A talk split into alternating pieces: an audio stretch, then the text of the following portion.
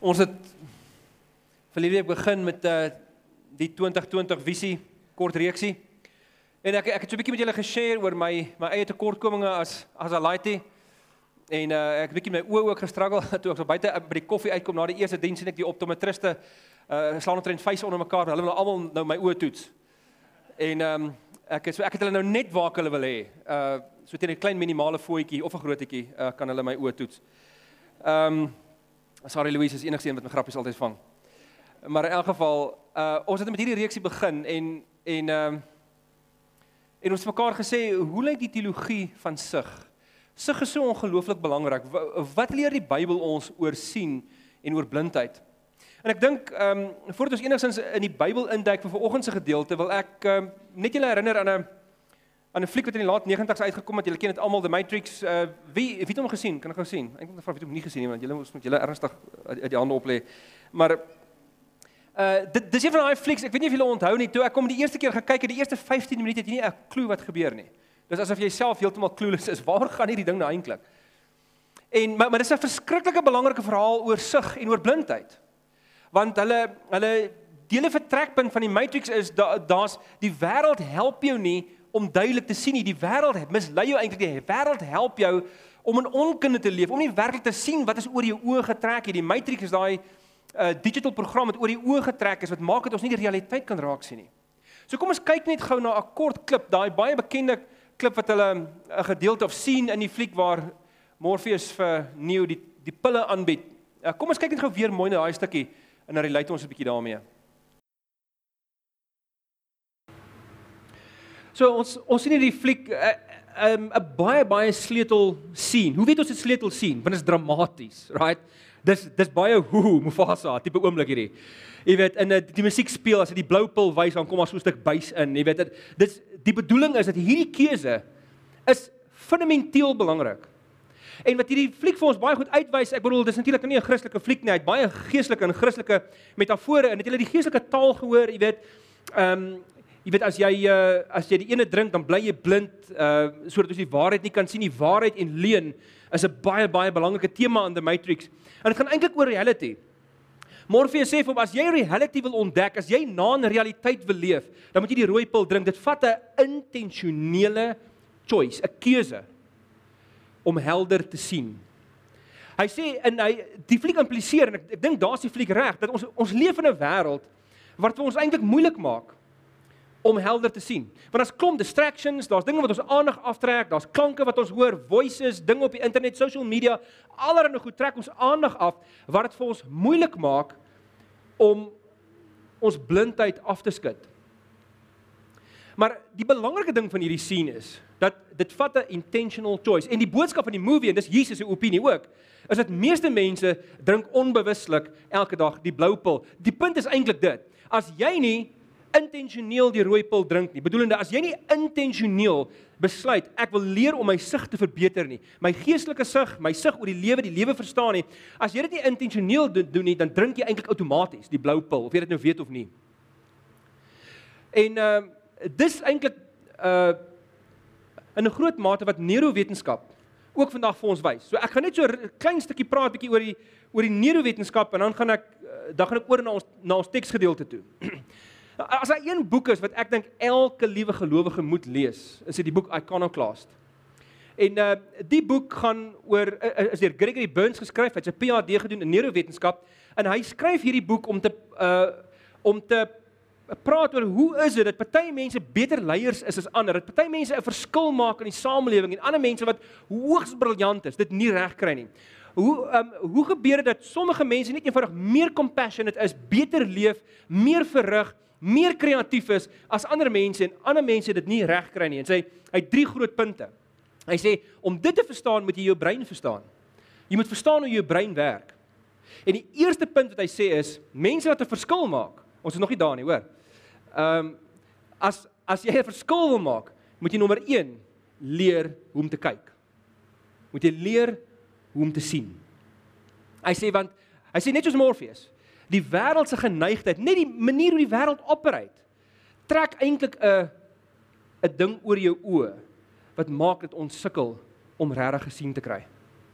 Nou, hier's deel van die probleem. Ek lees vir julle die volgende gedeelte uit sy boek. Wel, liewer dis een van die punte van sy boek is jou brein is 'n kragbespaarder. Hoe langer die brein vat om te prosesseer, hoe meer energie gebruik dit. Nou, so hier's die ding van jou brein. Daar's goeie nuus en slegte nuus oor jou brein. Alraight. Ek ken nie jou brein nie, maar ek weet dis waar van hom, vanweë navorsing. Een is jou brein is die mees kreatiewe orgaan. Hy's amazing. Hy dis jou brein wat bepaal of jy sukses behaal of nie, of jy 'n goeie gelowige word of nie. Dis waar die Heilige Gees werk. Dis sy grootste werk graag wil doen is in jou brein. Maar as slegte nuus oor jou brein, jou brein is die luiste orgaan wat daar is. Hy wil nie meer as 45 watt energie gebruik nie. Hy wil krag spaar die hele tyd. So hy hy's op beerdkrag all the time. Hy wil hy hy wil nie dat jy diep dink en hard redeneer nie. Hoekom nie? Want dan moet hy meer energie gebruik. Dan moet hy 45 watt opstoot tot by 50 dalk 60 watt en hy wil nie, hy's lui. Hy wil hy wil krag spaar. So om krag te spaar, jy weet dit nie eers, maar jou brein weet dit. Jou brein vat shortcuts sodat jy nie hoef te dink nie. Dit beteken ek wil julle almal weet nou al dat jy, jou brein daar's neuropaaie wat jou brein maak. En uh, daai goed baie van dit is al gevestig wanneer jy 5 of 6 jaar oud is. So om om nuwe as jy wil kreatief dink en diep dink en leer om reg te sien, dan moet jy jou brein toelaat om nuwe paaie te maak. Maar jou brein wil nie.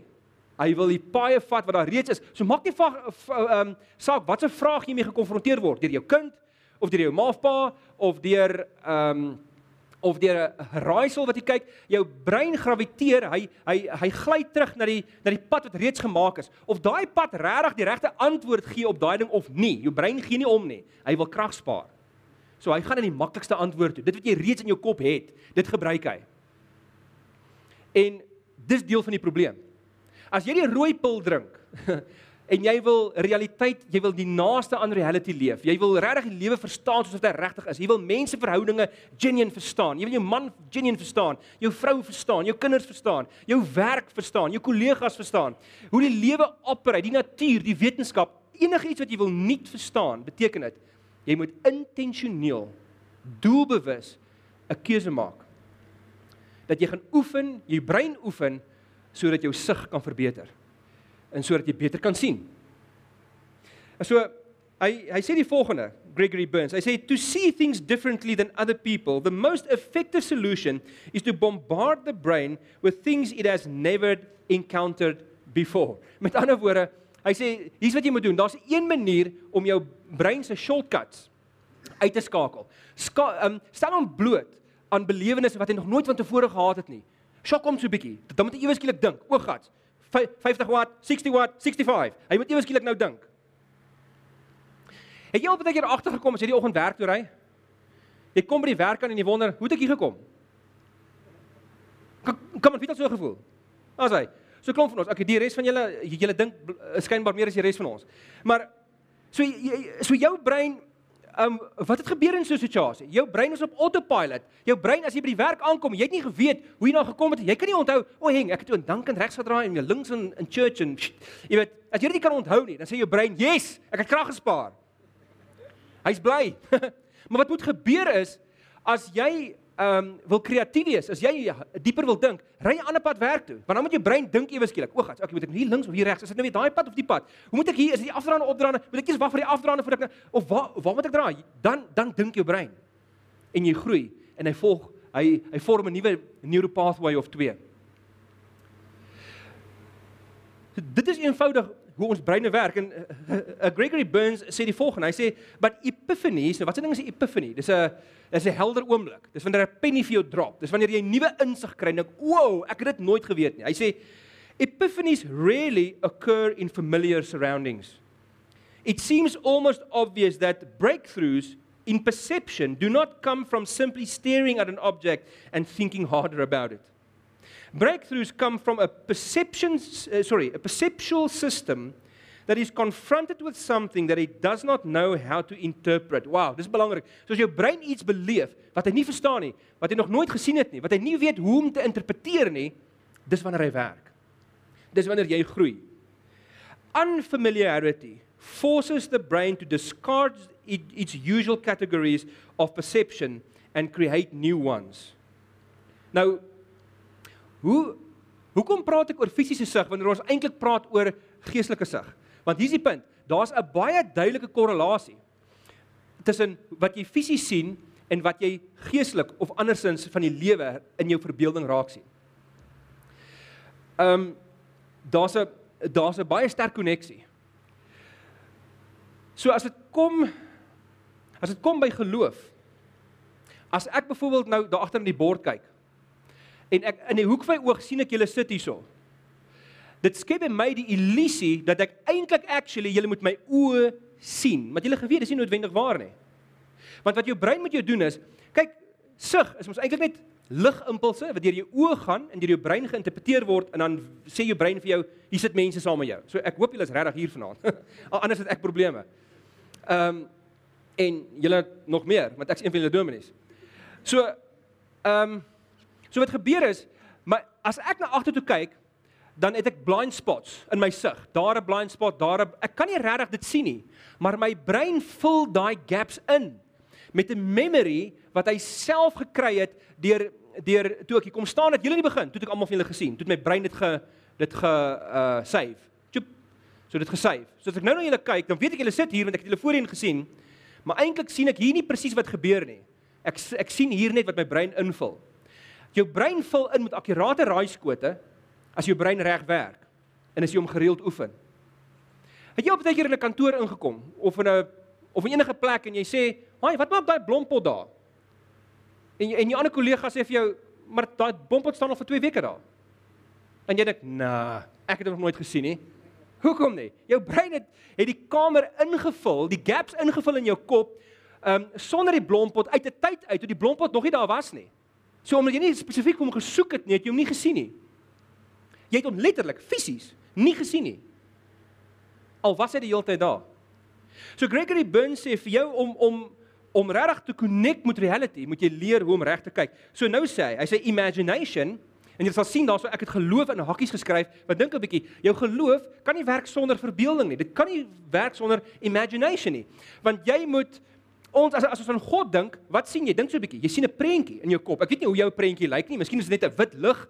Miskien is dit uh, iemand op 'n troon. Miskien is dit iemand met 'n baard, soos wat baie mense dink. As jy na as jy aan Jesus dink, wat sien jy? Jy het 'n prentjie. Waar kom hy prentjie vandaan? Dis jou verbeelding. Jou geloof kan nie werk sonder verbeelding nie. So Burn sê die volgende. Hy sê imagination of geloof comes from the visual system. Wow, dis belangrik.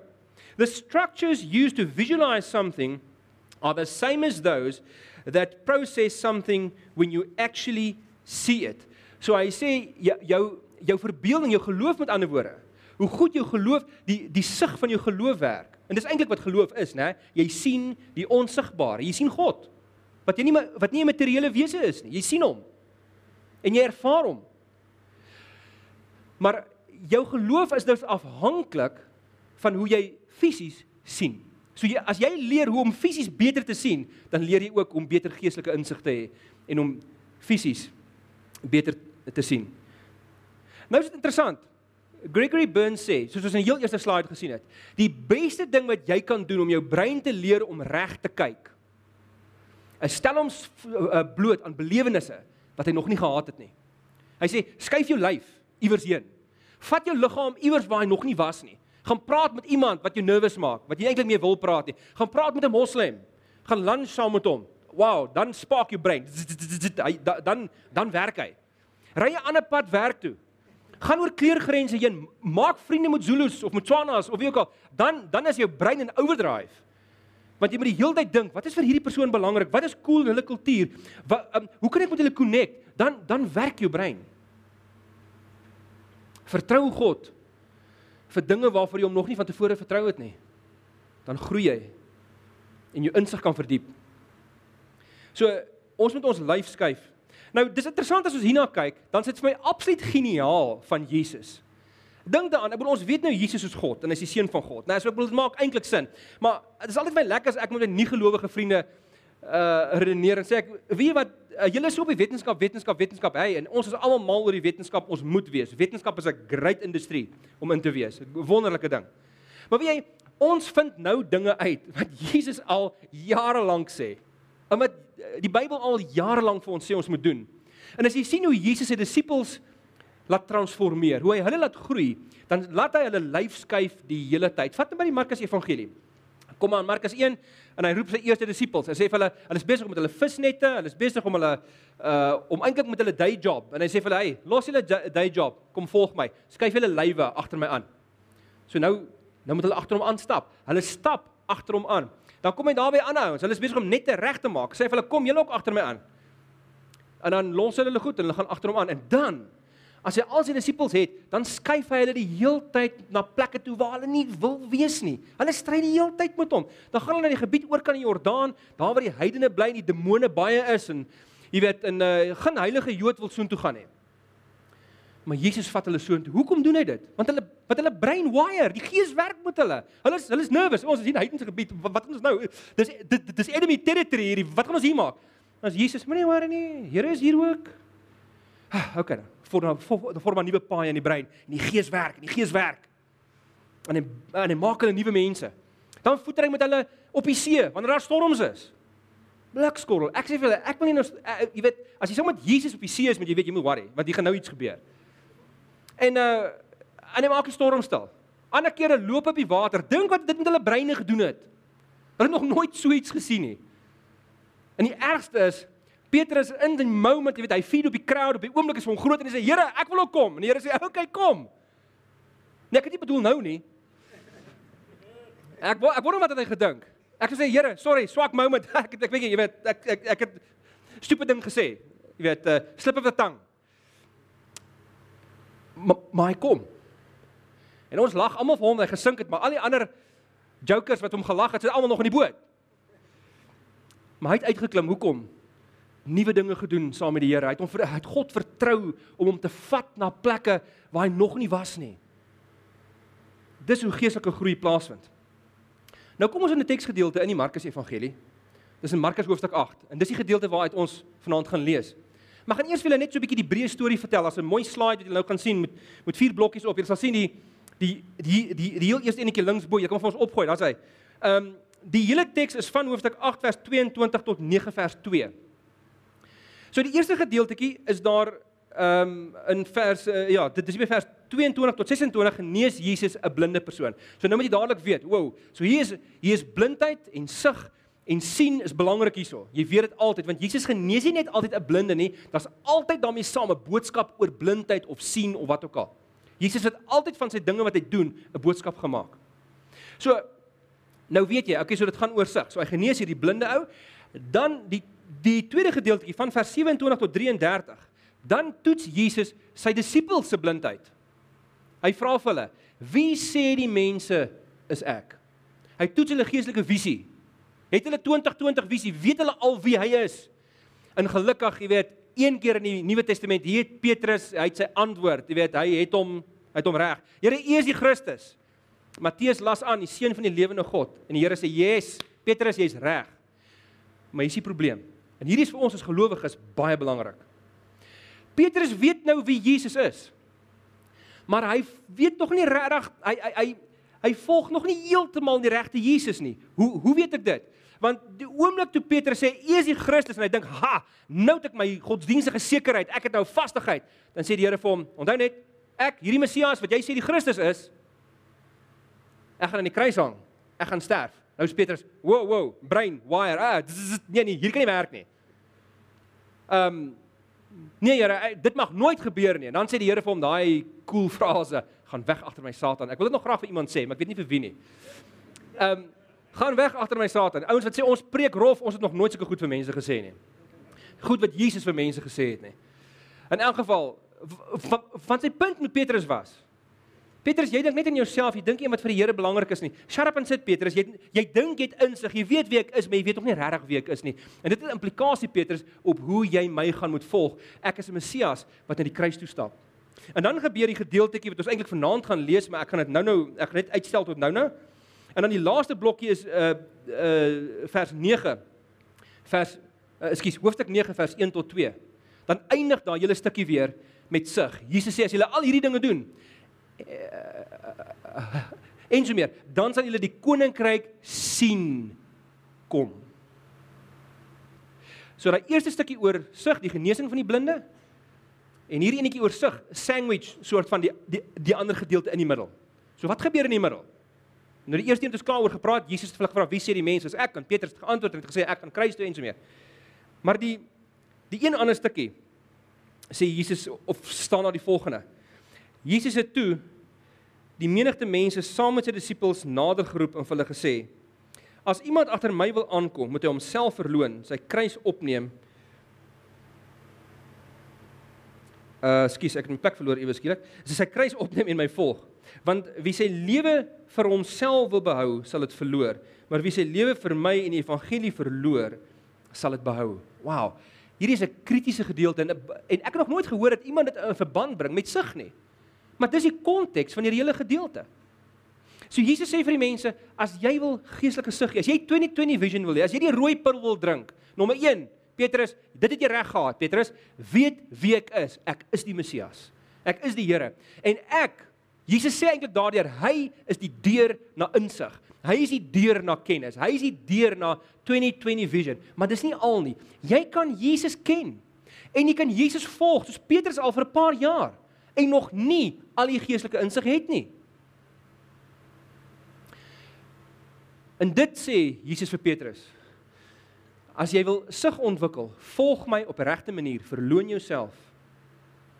Neem jou kruis op en volg my. Wow.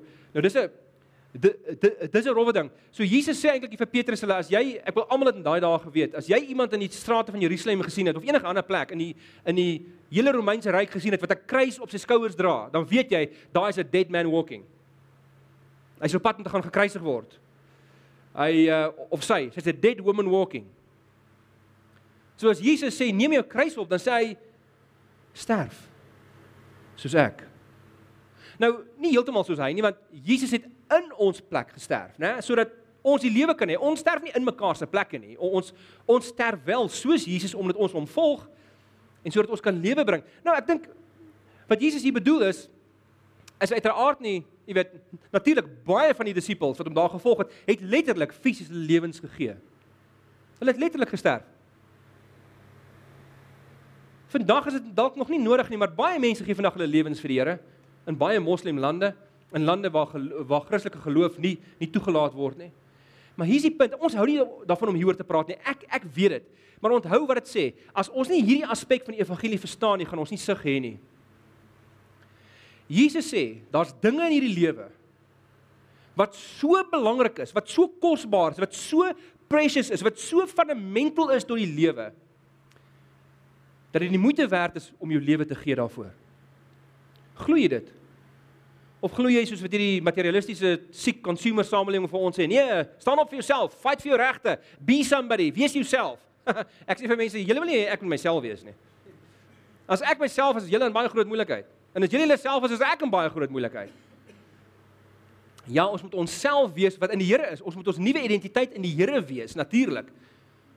Maar dit gaan nie oor jou persoonlikheid nie. Dit gaan nie dit gaan daaroor om die beste weergawe van jouself te word wat jy kan wees. En dit sê Jesus, dan sterf jy. Jy kruisig jou ego. Jy kruisig jou jou eie begeertes. Begeertes is 'n goeie ding, hoor. Begeertes is 'n geestelike ding. Die Here gee vir ons begeertes sodat ons weet ons mense soek altyd na meer. Ons wil altyd na meer soek totdat ons ons vervulling in die Here alleen vind. En daarom is begeertes 'n belangrike deel van ons lewe, maar ons moet dit onder beheer bring. Net dan kan ons dit regtig geniet. En net da dan kan ons begeertes gebruik word om die Here regtig te ontdek en om nuwe om nuwe sig te ontwikkel. So So dis belangrik om dit te verstaan. Ons haat hierdie hierdie vreeslike kruisigingstaal, maar dink gou 'n bietjie, hoe great wêreld sal dit nie wees? Hoe great wêreld sal dit nie skep? As jy getroud is met 'n gekruisigde man, iemand wat 'n lewende offer is vir die Here. Hy leef net vir jou en vir die Here. Hy dien jou elke dag. Hy stuur vir jou WhatsApps van die werk af en hy sê vir jou hoe lief hy vir jou is. Imagine hoe sal dit wees om met 'n gekruisigde vrou te leef? Jy het nie heeldag in jou ore nie, maar sy sy staan jou by, sy support jou. By the way, 'n vrou moet baie keer jap wat ons mans luister nie altyd nie. Maar party jap te veel. En so hoe sal dit wees om met so iemand getrou te wees? Hoe sal dit geweet wees om gekruisigde kinders te hê?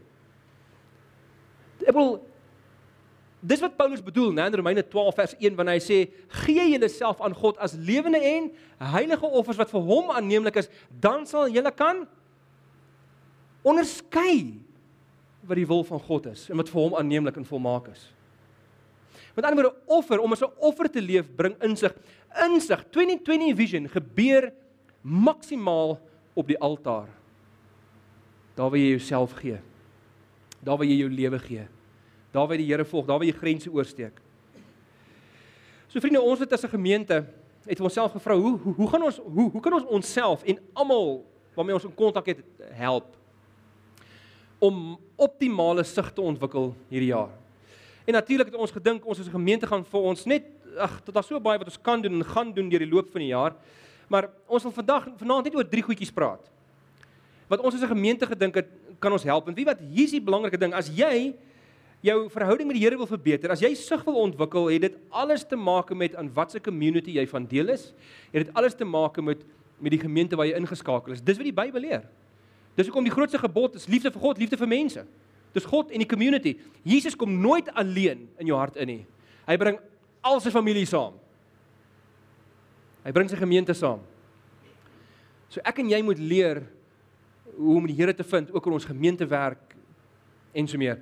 So Ons het aan drie goedjies gedink wat ons almal kan doen om seker te maak ons herëvalueer wie ons verhouding met die Here, ons herëvalueer wie ons kommitment teenoor die gemeente. Want dis wat Jesus eintlik sê in Markus 8 as hy sê, nee, jy kan nie agter my aankom as nie jouself verloon, kruis opneem en my volg nie. Hy bedoel eintlik, jy is alreeds jy stap alreeds agter my aan, maar herëvalueer jou lewe, herëvalueer jou verhouding met my.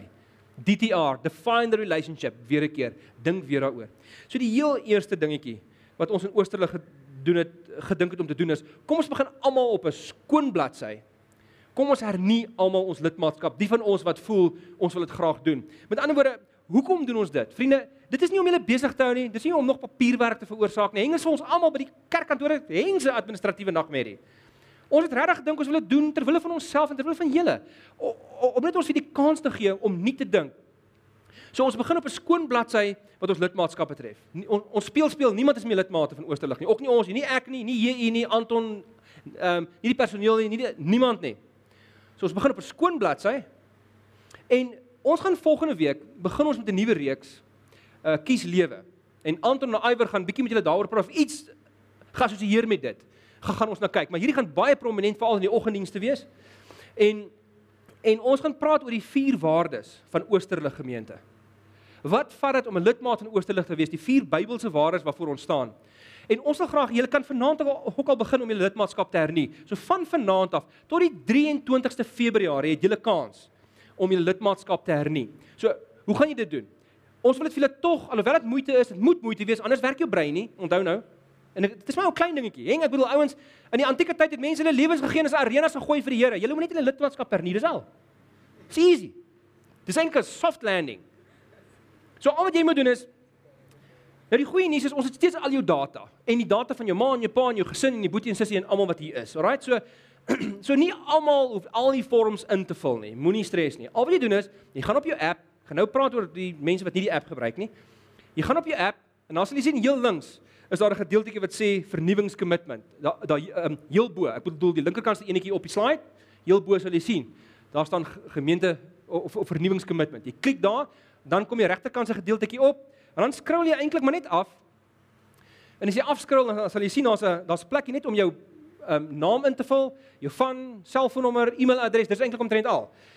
en hier en daar nog, nog so 'n klein dingetjie. Nou, hier's die goeie nuus. Nie al die lede van die gesin hoef almal in te vul nie. Dis die goeie nuus. Net een lid van die gesin. Eh, verkies jy ma die ma of pa moet dit invul. Annetjie kry 'n e-mail by die kerkkantoor en sy aktiveer weer die hele gesin se lidmaatskap. Alraai, so dis dis eintlik baie maklik. Dit gaan jou 30 sekondes na 'n minuut toe vat op jou selfoon. So as julle vir ons almal dit kan doen en ons begin vanaand daarmee. So as jy uitstap hierso en jy dink ag ek het nie nodig om verder te luister nie, jy wil dit sommer nou al doen. Dis fyn. Wil jy julle daarop wys, daar in die regterkant se kolom is daar drie vragies. Is jy 'n nuwe lidmaat? 1 2 wil jy graag jou doop vier saam met ons op die 23ste Februarie? Ek gaan nou iets daaroor sê, so 'n uh, uh, paar kom net vir 'n oomblik. En 3 is jy al voorheen gedoop? Uh so tik net vir ons daai af wat jy graag wil doen. Ehm um, Maar almal uh daar's by die toonbank as daar ekstra mense vanaand en in die oggenddienste ook as daar ekstra mense. So jy kan uitgaan en vir enige iemand by die toonbank vra as jy nie jou app kan gebruik nie of jy het nie jou app nie of jy wil hom nie download nie of jy wil hom download, hoe ook al, hulle hulle sal jou help en hulle sal jou help om sommer te registreer daar by die toonbank. So enige hulp wat jy nodig het, elke Sondag vir hierdie 4 weke gaan ons ekstra mense by die toonbank hê, oggend en aand wat jou kan help om te herregistreer. So net gou vinnig die tweede ding En dit bring ons by die tweede puntjie wat jy dan moet merk op die app. En dit is ehm um, vier jou doop saam met ons op die 23ste Februarie. Nou die enige kerk het 'n revolusionêre ding gedoen. Hulle het begin ruimte maak vir mense wat graag weer 'n 'n groot doop belewenis te hê, wat graag dit wil hê maar sonder om nou die kinderdoop ongedaan te maak of die kinderdoop nie te erken nie. En hulle toe in hulle kerkorde, hulle ons kerkorde ingesluit 'n ding wat hulle noem doopviering. En dit beteken hulle moedig eintlik ek het vir hulle sommer die die die die die teks van die kerkorde saamgebring. Julle as julle daarna belangstel nie, moenie worry nie. Ek gaan niks daarvan lees nie. Ja, julle kan net vir ons vinnig dit wys Malan, net so tjoef tjoef. Uh daar staan dit next slide. Daar's hy. Julle kan van 'n goed vraag vir stuur vir die vriende wat dit graag wil hê. Um so doopviering is 'n uh, gemeentes word aangemoedig om hulle lidmate soveel as moontlik geleenthede te gee om hulle redding in die Here te celebrate en te vier. So wat ons gaan doen is Ons gaan nou hierdie reeks hê, kies lewe deur Februarie waar almal van julle weer kan aansluit. En dan op die 23ste Februarie het ons ons gemeentefees. Daai dag gaan ons eh, na die tweede diens vir almal worsbroodjies uitdeel. Ons gaan saam braai en ons gaan nie op die uh, die, die stukkie gras tussen Caritas en Communitas gaan ons 'n uh, lekker swembad hê en ons gaan 'n ons gaan 'n installasie bou vir mense wat kan wil wil wil opklim en afklim aan die ander kant in die water, mense wat dalk 'n bietjie ouer is en as hulle worry oor beserings, moenie worry nie, ons gaan alles baie mooi doen, julle baie mooi begelei. En almal wat wil hierdie hierdie ding ehm um, jou doopviering is nie 'n vereiste vir jou lidmaatskap hernuwing nie. Okay, belangrik om dit te sê. Hier is 'n ekstra geleentheid. Dis 'n ekstra geleentheid vir jou. Ehm um, wat 'n nuwe belewenis met die Here wil hê. Sê wie ek wil 'n nuwe fase met my verhouding met die Here begin. Ek wil 'n nuwe ding begin. Ek wil ek wil net weer 'n belewenis hê van die Here se teenwoordigheid saam met my. Gaan ons op die 23ste die geleentheid gee uh om jou uh om jou doop te vier. So ons gaan jou onderdompel en ons gaan dit doen met die woorde, uh, Pieter, ons vier jou doop vandag in die naam van die Vader en die Seun en die Heilige Gees. Ons gaan jou dank. As daar van julle is wat uh, voel en julle wil dit baie graag doen, uh, maar julle wil nog nie die onderdompeling doen ding doen nie, moenie worry nie, ons het 'n tuinslang. Ons wil jou uh, ons wil besprinkel ook. Ehm um, Nee, ons sal ons sal uh jy kan langs die bad kom staan en ons sal die water net soos toe jy 'n klein babatjie was op die voorkop sit en jou doop vier in die naam van die Vader, die Seun en die Heilige Gees. En ons wil julle challenge. Hierdie is vrywilliglik. Okay, jou jou lidmaatskap hernuwing is nie onderworpe hieraan nie. Maar gebruik die challenge. Skuif jou lyf. Ehm um, doen iets nuuts, ervaar iets. Laat die Here toe om iets in jou lewe te doen. Wat regtig, regtig awesome kan wees. So dit kan jy net op die app merk. Aftik en as ons die mail kry daar in die kerkkantoor met Annetjie, dan sal sy uh, al die inligting hê wat sy nodig het. So onthou dit. En dan die heel laaste, die derde puntjie is 'n uh, kom doen 'n MRI scan uh saam met ons op die 1 Maart saam met Leonard Sweet. Um Leonard Sweet is 'n is 'n baie bekende teoloog. Hy hy hy skryf 3 bestsellers 'n jaar. En hierdie jaar partner Oosterlig met Ekerk en met uh ouens in die Kaap wat hom wat hom uitbring so op die op die uh 1 Maart gaan hy in al drie dienste optree, die twee oggenddienste en die aanddiens en hy gaan drie verskillende boodskappe gee. Die MRI gaan hy hanteer. MRI staan vir iets spesifiek, maar ons gaan nie nou vir julle sê waarvoor dit staan nie. Uh jy moet by die oggendpreek luister as jy dit wil hoor. Uh maar ehm uh, en hy gaan met ons praat oor hierdie baie belangrike goeie. So ons wil graag julle uitnooi om daai dag al drie ons dienste by te woon. Die eerste diens, die tweede diens en die aanddiens. So Ons sien regtig baie uit daarna om hierdie journey saam met julle te stap. Ons predikante moet ook weer verniet aansoek doen. Uh wat anders kry ons nie salarisse aan die van die maand nie. So ons moet dit baie baie vinnig doen. Ehm um, en ehm um, so ons ons wil uitnooi om hierdie om hierdie paar gedagtes hierdie paar aksies saam met ons te beleef sodat ons sig kan ontwikkel, sodat ons ag dis net 'n eerste stap. Dit is regtig nie hier is 'n groot en radikale dinge nie. Maar ek weet vir party van ons is dit dalk, want ons het dalk nog nie ons leef van ons veilige lewetjie En uh ons wil uitdaag om dit saam met ons te doen. Ek wil afsluit. Um met 'n verhaal van Ignatius van Antiochië. Hierdie ou ehm um, is 'n vroeë kerkvader. Hy was die hoofouderling gewees van 67 na Christus tot 107 na Christus. Met ander woorde net net na die tyd van Paulus het hy uh, het hy die biskop geword of liewer die die die episkopos beteken eintlik maar net die die hoofouderling, die ouwerseer. En ehm um, hy het 'n gemeente in Antiochië het hy bedien. En al wat ons weet van hom, ons, ons weet nie veel van hom nie. Hy het sewe briewe egter geskryf, nie sewe nie, sewe. en op 'n stadium weet ons dat die Romeinse leer het hom in Antiochië kom in hegtenis neem. En het hom vervoer van die ooste na die weste. En vir hom gesê ons gaan jou vir die wilde diere gooi vir jou geloof in die Here. Ons weet nie presies wat hy gedoen het nie, maar ons weet dit was ter wille van sy geloof in die Here. En so vat die Romeinse soldate hom en is besig om met hom te travel en toe hulle in Smyrna kom in Klein-Asië, so op pad na Rome toe, toe stop hulle daar vir 'n paar dae. En terwyl hulle daar stop, skryf Ignatius 'n brief aan die gemeente in Rome waarna hy op pad is. Want intussen tyd het al die gelowiges reg oor die wêreld van die antieke wêreld het na hom toe gekom terwyl die Romeine moet hom op pad is om hom te bemoedig en hom te versterk en gesê moenie worry nie, staan sterk, bid net en ons sal bid dat die Here jou verlos en jy weet en ons gaan 'n plan probeer maak, moenie stres nie. En in hierdie tyd toe vermoed Ignatius dat die gemeente in Rome gaan iets baie hard probeer om hom te keer om vir die diere gegooi te word. En hy skryf toe 'n brief vir die gemeente in Rome om hulle te sê moenie interfereer met my dood nie. Hierdie ou se sug van Jesus was so helder en so vivid dat hy dit dit hom deur swaar kry en lyding gedra het. Dat hy bereid was om die Here te face. Hy sy prentjie van die Here was so geweldig sterk en intens. Hy het so 2020 visie gehad, geestelike visie dat hy nie omgegee het om nou sy lewe te gee nie, want hy het geweet as hy sy oë oopmaak is hy by die Here. Ek wil julle vra om net vir 'n paar oomblikke gou julle oë toe te maak. En ek gaan net twee net 'n paar sinnetjies lees uit sy brief, uit Ignatius se brief aan die Romeine. Hy skryf hier: "I'll never again have the opportunity like this to reach God. Not will you Romans ever again have such a chance to be credited with a finer accomplishment provided you remain silent." For if you quietly refrain from interfering with me, I will become a crystal clear message from God. But if you love my earthly body too much, I'll only be an incomprehensible noise. I ask you to grant me nothing but this that my blood be poured out as an offering to God, while I still have an altar available to me. In your love, you can become the, become the accompanying choir for my sacrifice.